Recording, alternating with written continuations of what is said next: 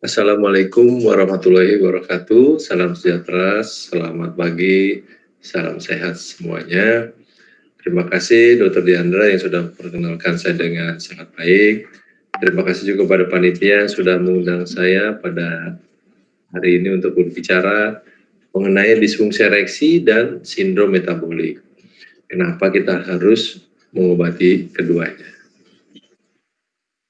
Nah, Sebelumnya ingin saya sampaikan juga uh, acara ini disponsori oleh PT Pfizer Indonesia.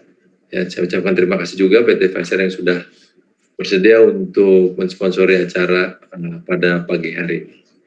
Dan semua presentasi saya ini adalah dalam rangka untuk pendidikan saja. Ya. Baik, pertama saya ingin sampaikan mengenai ilustrasi kasus laki-laki 64 tahun dengan keluhan disfungsi ereksi selama lima tahun. Jadi sudah lima tahun tidak bisa uh, ereksi dengan baik, ya dan dia berjalan perlahan-lahan, makin lama makin lama makin jelek.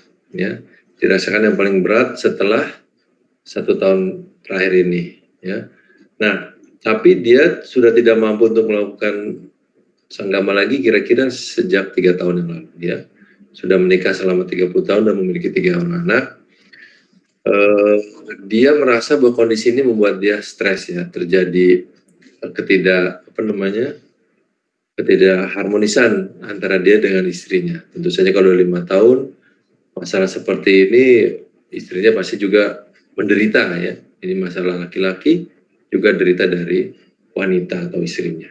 Ya. Dia juga mungkin ada sedikit ke masalah dengan anaknya sejak satu bulan lalu Sedangkan masalah psikologis lainnya sih tidak ada dia bilang. Ya.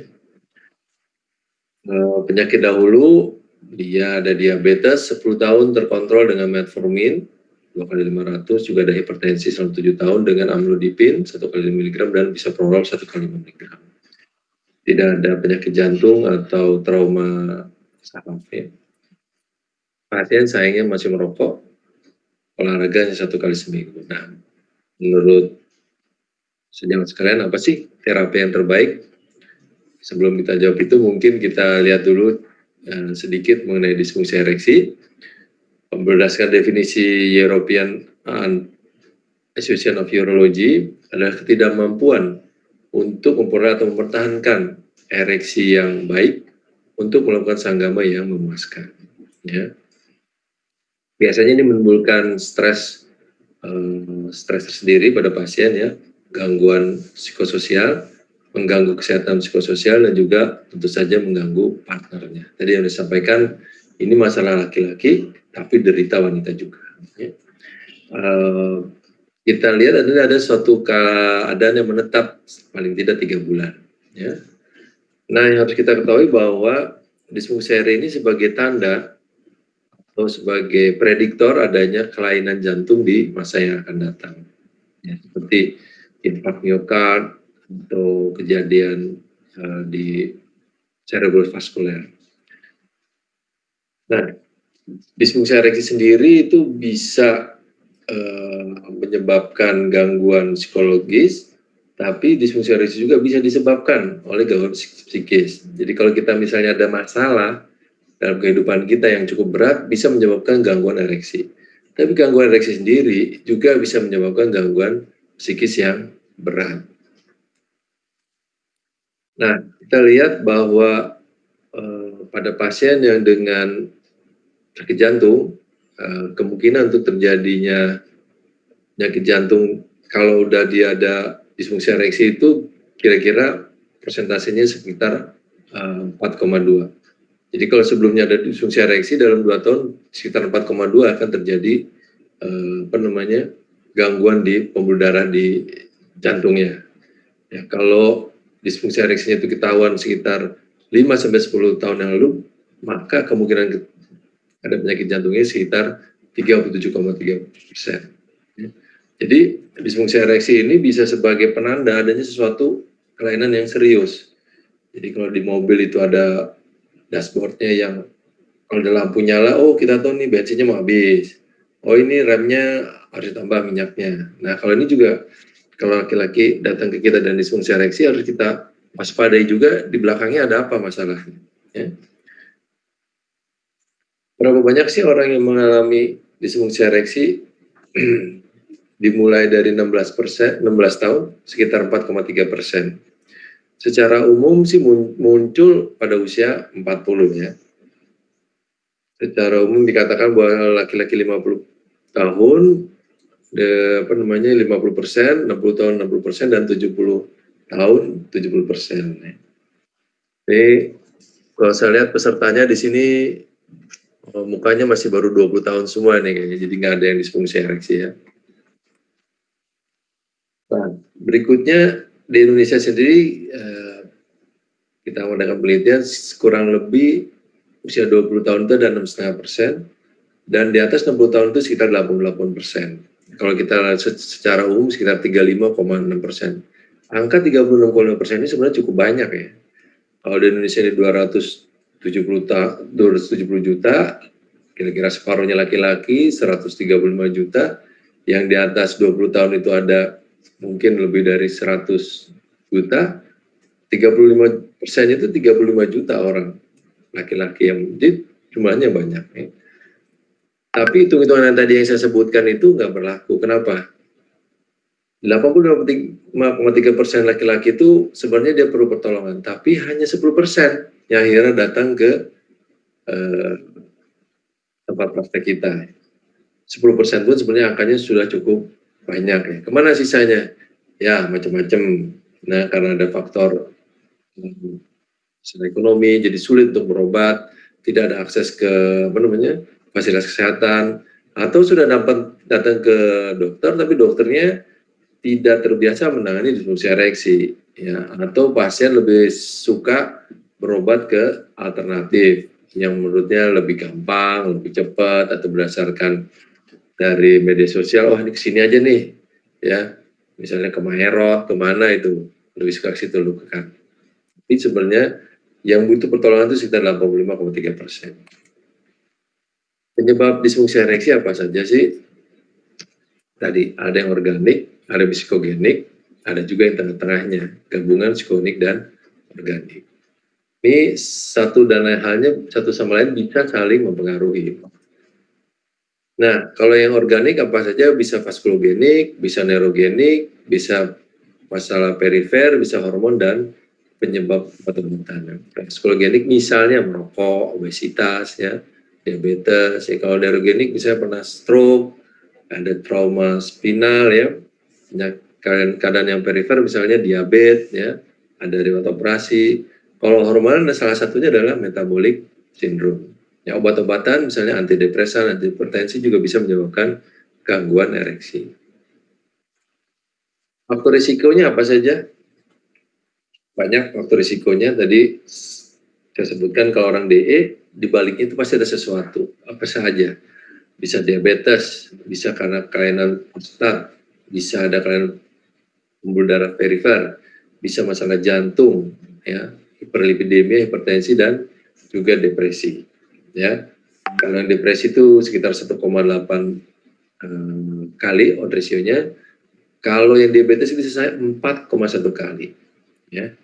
Nah ini kalau kita lihat kalau yang metabolic syndrome itu ada tiga di dalam kelompok ini. Diabetes hiperlipidemia dan hipertensi. Jadi yang dalam kotak ini adalah bagian dari metabolic syndrome. Jadi ini bisa perhatikan hubungan antara disfungsi ereksi dengan metabolic syndrome. Satunya lagi yang di perlu diperhatikan adalah kalau seseorang itu ada diabetes, ada sakit jantung, ada hiperlipidemia, maka semakin banyak faktor risikonya, semakin tinggi kemungkinan terjadi disfungsi ereksi. Jadi kalau sejawat eh, praktek ketemu pasien, oh ini ada diabetesnya, ada hipertensinya, ada hiperlipidemianya, ada sakit jantungnya, eh, coba ditanya, ada nggak disfungsi ereksi? Ya, oh iya ada nih disfungsi ereksi, nah itu udah cocok katanya. Nah, itu juga begitu juga sebaliknya kalau dia datang disfungsi ereksi, maka kita harus cari semua faktor risiko yang disebutkan di sini. Ya. Jadi kita harus menangani pasien itu harus secara holistik. Nah kalau yang psikogenik apa saja penyebabnya? Secara umum adalah uh, kurangnya uh, gairah, ya, kurangnya rangsangan, dan juga eh, kelainan persepsi dari pasien untuk melakukan sanggau. Persepsi maksud gimana? Jadi misalnya terjadi perbedaan pandangan yang cukup berat antara pasien dengan istrinya misalnya, menyebabkan tadi eh, tidak ada suasana intim antara pasangan itu. Jadi jangankan ngomong, lihat aja udah langsung berantem. Nah, itu gimana kita mau sanggama, ya? Misalnya ada suatu perbedaan pendapat yang cukup uh, berat ya, sehingga terjadi tadi ketidaksesuaian antara suami dan istrinya. Ya. Juga bisa juga yang uh, situasional, misalnya berhubungan dengan partner, juga uh, berhubungan dengan situasi dan kondisi. Maksudnya apa? Jadi kalau dia dengan uh, apa namanya, contoh dengan cara lain, misalnya dia masturbasi bisa, tapi istrinya enggak. Nah itu salah satu tanda-tanda dari psikogeni. Ya. Lalu jadi patofisiologinya gimana? Itu karena kalau ada orang depresi, ada stres atau ansietas itu maka terjadi peningkatan kadar norepinefrin norepinefrin adalah suatu zat yang bersifat anti ereksi, ya, sehingga tidak dapat untuk memperoleh atau mempertahankan ereksi. Nah, ini yang mesti kita sadari bahwa disfungsi ereksi ini adalah suatu masalah interdisiplin. Jadi nggak bisa satu aja urolog saja, dokter penyakit dalam saja, atau dokter saraf saja yang menangani. Ini harus dilakukan penata secara holistik atau menyeluruh. Karena apa saja yang bisa menyebabkan disfungsi ereksi atau yang bisa berperan satu faktor psikis pikiran, masalah jantung, masalah syaraf, hormon, dan juga tentu saja lokal untuk masalah urologinya. Mungkin kita harus perhatikan mungkin di antara ini harus ada satu yang mungkin jadi berperan yang paling banyak, mungkin urologinya ya. Tapi nggak bisa urologinya hanya bekerja sendiri. Kalau kita ada kelainan saraf, ada kelainan jantung, maka kita harus perlu kolaborasi atau kerjasama. Di sini pentingnya kita sebagai penyedia layanan kesehatan untuk dapat bekerja uh, lintas sektoral, maksudnya sektoral dengan berbagai disiplin ilmu yang lainnya untuk memberikan pelayanan yang terbaik untuk uh, pasiennya. Nah, berikutnya adalah metabolic syndrome. Ya, kalau kita ketahui metabolic syndrome adalah terdapat paling tidak tiga gejala ini. Misalnya peningkatan tekanan darah, trigliserida yang tinggi, terus lingkar perut yang besar, HDL yang rendah, atau gula darah yang tinggi. Jadi kalau ada tiga dari lima ini, maka kita akan dia menderita metabolic syndrome.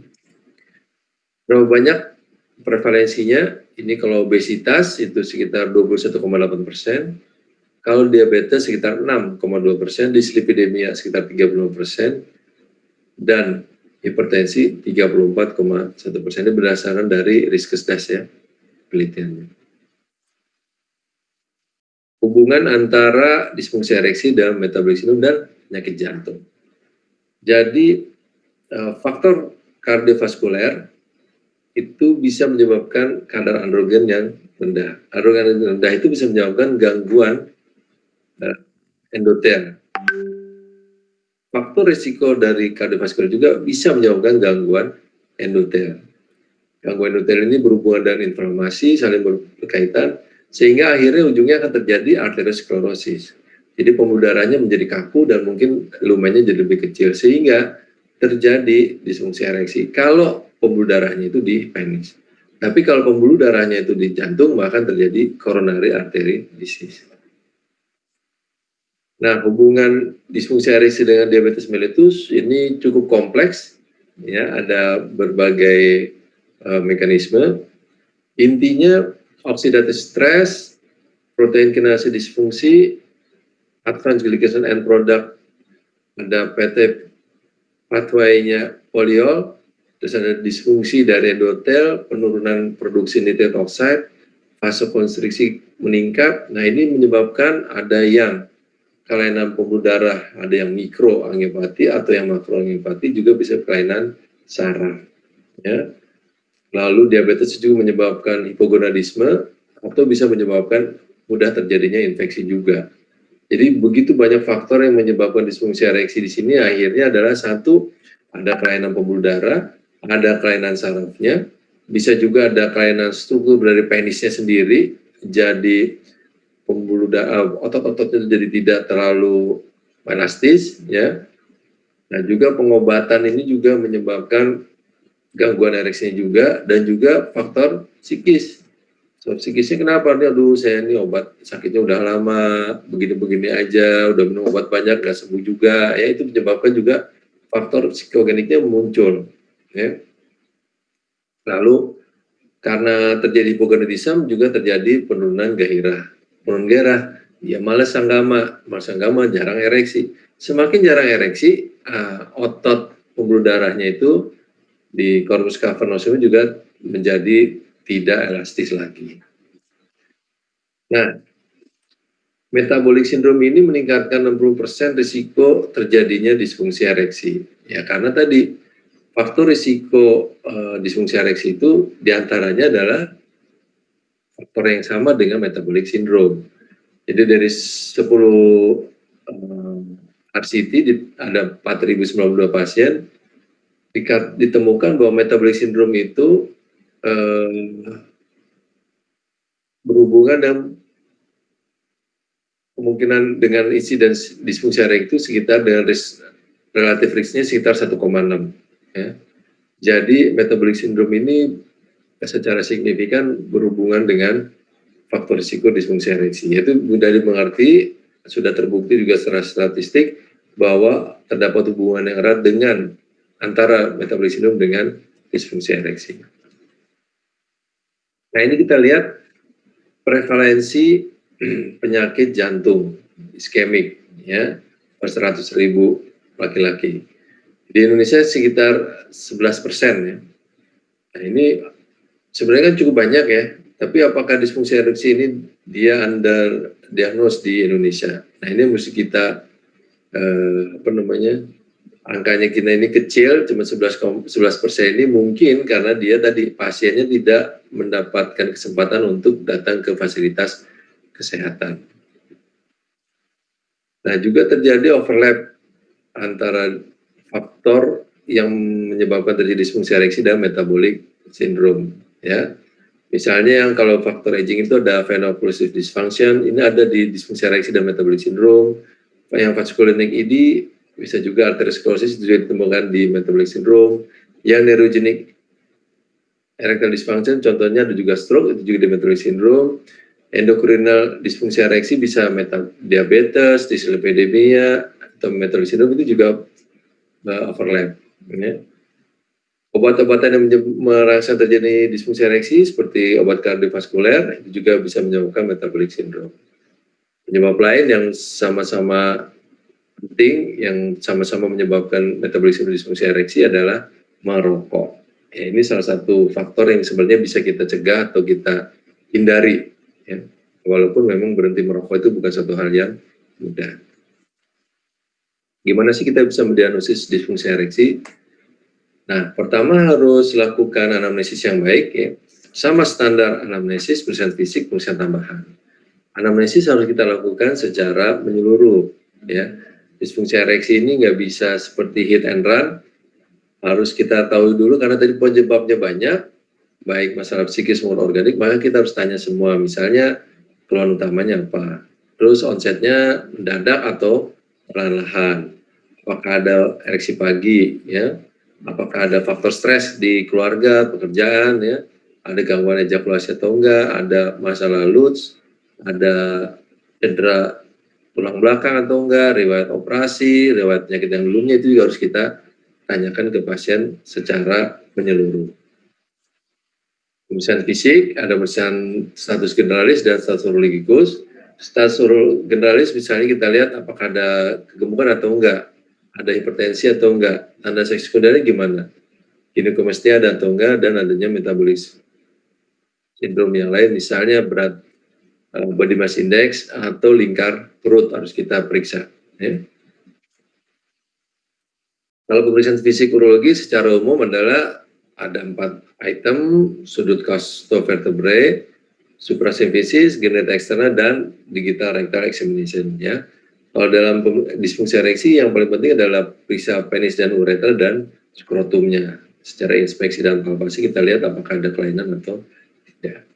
Kalau penis yang penting adalah kita lihat apakah ada hipospadia atau enggak yang bawaan, apakah ada pordi atau enggak. Juga yang penting apakah ada fibrotik atau enggak yang kita mungkin terjadinya suatu uh, peronidisis yang menyebabkan dia uh, apa namanya bengkok penisnya. Ya. Uh, mengenai uh, pemeriksaan tambahan lainnya yang bisa kita kerjakan mulai dari pemeriksaan lab, profil lipid, gula darah, vitamin D, ya, dan juga hormon testosteron. Ya, kalau misalnya ada kelainan, kita harus kerjasama dengan bagian endokrinologi. Ya, cardiovascular system kita mesti lihat apakah dia termasuk yang low risk, intermediate, atau yang high risk. Kalau yang high risk kita harus turunkan dulu faktor resikonya. Ya kalau misalnya dia baru infak miokard kurang dari dua minggu kita tunggu dulu biar dia istirahat dulu. Ya. Kalau dia aritmi yang tidak terkontrol kita kontrol dulu aritmianya. Ya. Kalau hipertensi jadi diturunkan sampai ke intermediate. Kalau intermediate baru kita uh, assess uh, apakah dia bisa sangkama atau tidak. Jadi kalau high risk kita serahkan ke kardiologis untuk tadi memanage itu tadi. Berikutnya adalah pemeriksaan scan atau nocturnal penile tumescence and rigidity test. Nama dagangnya scan ini. Ini paling bagus dikerjakan dua kali. Ya, jadi di, ada di pangkal penis sama di ujung penis kita pasang lalu keesokan harinya kita akan melihat uh, hasilnya ya apakah dia normal atau enggak jadi normalnya laki-laki itu dalam semalam kira-kira ada 5 sampai 6 kali ereksi masing-masing 10 menit. Nah nanti kita lihat ya yang mana dia pas ini kita termasuk. Kalau dia bilang ini saya ada gangguan ereksi tapi uh, eh, NPTR-nya dia normal maka kita sampaikan bahwa dia ini kebanyakan masalahnya psikogenik atau dari pikiran, ya, bukan dari organik. Nah berikutnya kalau kita curigai adanya e, kebocoran, maka kita bisa lakukan pemeriksaan pinal Doppler ultrasound atau kalau tidak perlu lagi dengan pinal CT angiografi. Ya. E, pemeriksaan psikis atau psikososial juga itu penting ya kita lihat apakah ada tanda-tanda depresi, ansietas itu kita lihat. Yang satunya lagi adalah ekspektansi pasien itu sendiri. Dia ada pasien saya yang sehari, saya sekarang cuma bisa sehari sekali dok. Setiap hari, iya setiap hari seminggu tujuh kali jadi. Kok datang saya? Tadi saya biasanya sehari lima kali katanya gitu. Sekarang cuma bisa sekali. Nah dia datang kita. Nah itu mungkin harus kita uh, samakan ya persepsi pasien dengan persepsi kita ya. Lalu uh, stres di dalam kehidupan ya misalnya orang yang kerja di bisnis bentar bagus bisa dan karena pandemi dia turun lagi maka dia akan mengalami depresi hingga terjadi disfungsi ereksi. Terapinya seperti apa? Melakukan terapi ini harus kita ingat biasanya pasien pengennya mau yang cepat, gampang. Cuman minum obat dua kali sembuh. Nah, nggak bisa ya kadang-kadang pasien rasa ah ini kan cuma ereksi doang harusnya cepet dong gampang dong diobatinya. Atau eh, apa namanya pasien itu nggak tahu kalau untuk melakukan diagnostiknya aja udah lama untuk sampai oh penyebabnya bapak adalah ini organik organiknya yang mana? Itu mesti kita perlu waktu untuk pemeriksaannya. Ya untuk terapinya sendiri kadang-kadang perlu waktu. Jadi ibaratnya kalau pintu nih pintunya terkunci, kita punya anak kunci yang banyak nih, kita nggak tahu yang mana anak kuncinya, itu harus kita coba satu-satu. Ya. Jadi harus kita perhatikan semua itu supaya pasien itu pengennya ngeliat jerapah, tapi sebenarnya dia kelihatannya zebra yang lebih pendek. Ya. Nah, algoritmenya yang pertama terapinya kalau semuanya adalah jangan lupa faktor risiko nya harus diturunkan misalnya kalau dia diabetes dikontrol gulanya kalau dia hiperkolesterol harus kolesterolnya diobati. Kalau dia merokok stop merokok nggak pernah olahraga harus olahraga baru kita berikan PD5 inhibitor secara oral yang pertama lini pertamanya. Jadi kalau kita melakukan terapi jangan lupa harus ada perubahan gaya hidup, ya, ada faktor risiko. Terus masing-masing pasien bisa berbeda terapinya, ya. Sebagian besar terapi disfungsi ereksil itu nggak bisa disembuhkan, tapi bisa diterapi. Maksudnya apa? Kalau tujuannya untuk melakukan sanggama, dia bisa ereksi, tapi caranya harus selalu minum obat nggak tahu sanggama. Nah itu dia tidak sembuh, tapi bisa kita terapi, ya uh, apa namanya yang bisa sembuh misalnya apa kalau ada kelainan psikogenik ada trauma arteriogenik ada ada hormonan nanti bisa kita kasih hormon dia bisa sembuh ya uh, sedangkan lo terapi pilihan terapinya itu tidak berdasarkan penyebab tapi tadi yang penting dia bisa sanggama ya disfungsi ereksi itu memerlukan kesabaran Kayak hidup seperti apa sih harus diubah? Satu harus diet, mengurangi berat badan, olahraga secara teratur, harus tujuh hari seminggu ya kalau bisa, dan juga harus berhenti merokok. Jadi olahraga seminggu tujuh kali itu kan suatu hal yang perlu perjuangan juga, dan nggak bisa cuma olahraga dua minggu, ah udah sembuh dari sih nggak bisa. Mungkin kita perlu waktu bulan untuk menghasilkan yang kita inginkan. Ya. Jadi tadi diet, mengurangi berat badan, berhenti merokok, dan olahraga teratur itu bisa secara ter, sudah terbukti bisa meningkatkan uh, apa menurut meningkatkan angka IS score-nya. Nah, terapi oral PDL inhibitor itu bekerja dengan cara merelaksasi otot polos corpus capanosum ya dengan cara mempertahankan kadar CGMP-nya tidak diubah menjadi 5 GMP. Ya, tapi untuk menghasilkan CGMP yang aktif itu harus kita memerlukan nitrit site. Ya, PD5 yang ada, sildenafil, tadalafil, vardenafil, dan vanafil. Sildenafil adalah salah satu yang pertama yang ada di Indonesia. Kontraindikasinya ada aritmia, ada hipotensi berat, hipertensi berat juga, ya ada unstable angina itu nggak boleh diberikan PD5 inhibitor. Nah, farmak, uh, farmakoterapinya ya sildenafil itu ada yang 25, 50 dan 100 mg, onsetnya 30 sampai 60 menit ya. Memilih PD5 inhibitor seperti apa?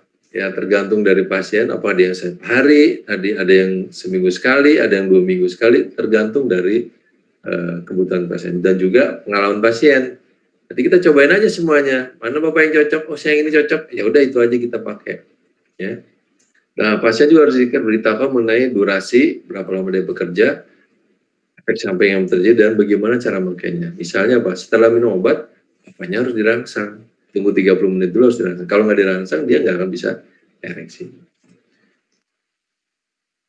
Tadi ada juga disfungsi ereksi yang bisa kita sembuhkan kalau penyebabnya adalah kelainan hormon, ada trauma arteriogenik atau ada masalah psikis yang bisa dilakukan psikoseksual, konseling dan terapi. Kalau dia bisa berhasil terapi itu dia akan sembuh, tidak perlu obat lagi. Nah, sekarang kita bahas mengenai sildenafil sifrat, itu terbukti meningkatkan fungsi ereksi pada pasien yang dengan komorbid. Disfungsi ereksi ditambah komorbid apa aja? Diabetes, hipertensi, minum antihipertensi, ada penyakit jantung iskemik, ada ada kelainan perifer, itu setelah diberikan sildenafil dia meningkat secara signifikan dibandingkan dengan placebo atau baseline-nya. Bahkan pada pasien yang radikal prosektomi juga itu yang cukup uh, rumit, cukup menantang terapinya juga memberikan uh, perbedaan yang bermakna. Ya, depresi atau antidepresan juga menyebabkan perbaikan setelah diberikan sildenafil sita. Ini kita lihat sildenafil juga meningkatkan uh, aliran pembuluh darah di otak yang pada pasien yang disfungsi ereksi dan PD diabetes mellitus ya. Ini kita lihat ada yang uh, sebelum dan sudah diberikan sildenafil ya dapat meningkatkan fungsi dari endotel ya dan cerebrovascular di uh, otak. Ya. Juga kita lihat. Nah, pada pasien diabetes dia sildenafil dengan diabetes tipe 2, kita lihat juga bahwa kita perlu meningkatkan dosisnya. Ya.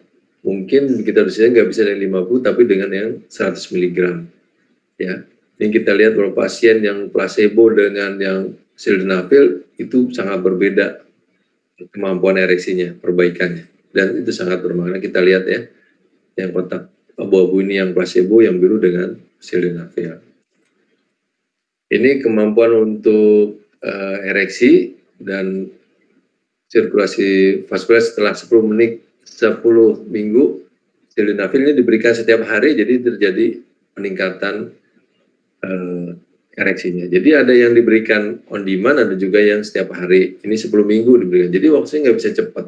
Ya. Jadi kalau diberikan PD5 inhibitor itu apa ini beda agak sedikit agak berbeda cara kerjanya karena dengan pemberian yang daily dose maka terjadi perbaikan endotel. Kalau yang on demand dia hanya relaksasi pada saat itu saja. Ya, tapi kalau yang uh, on once a day itu akan terjadi perbaikan endotel sehingga diharapkan nanti terjadi perbaikan ereksinya setelah selesai minum obat ini. Baik, kita lanjutkan kembali lagi ke kasus yang tadi ya. Laki-laki 64 tahun yang ada riwayat merokoknya, maka kita lakukan pemeriksaan tambahan, ditemukan ada tekanan darah tinggi. Terus BMI-nya 47,75 ya, base.